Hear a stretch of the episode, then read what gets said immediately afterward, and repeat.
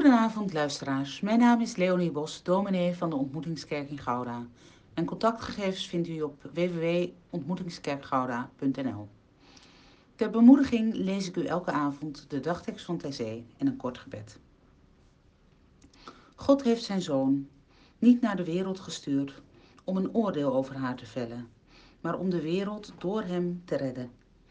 Over wie in hem gelooft, wordt geen oordeel uitgesproken. Blijf bij ons, Heer, in een wereld waar mensen kijken maar niets zien, omdat hun blik uitgeblust is en hun verwachting gedoofd. Blijf naar ons omzien, wanneer onze ogen speuren naar een lichtpunt in het donker.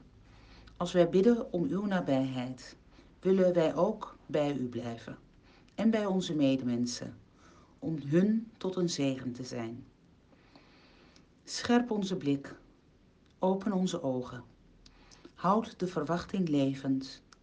Dit bidden wij in de naam van Jezus Christus, het licht der wereld.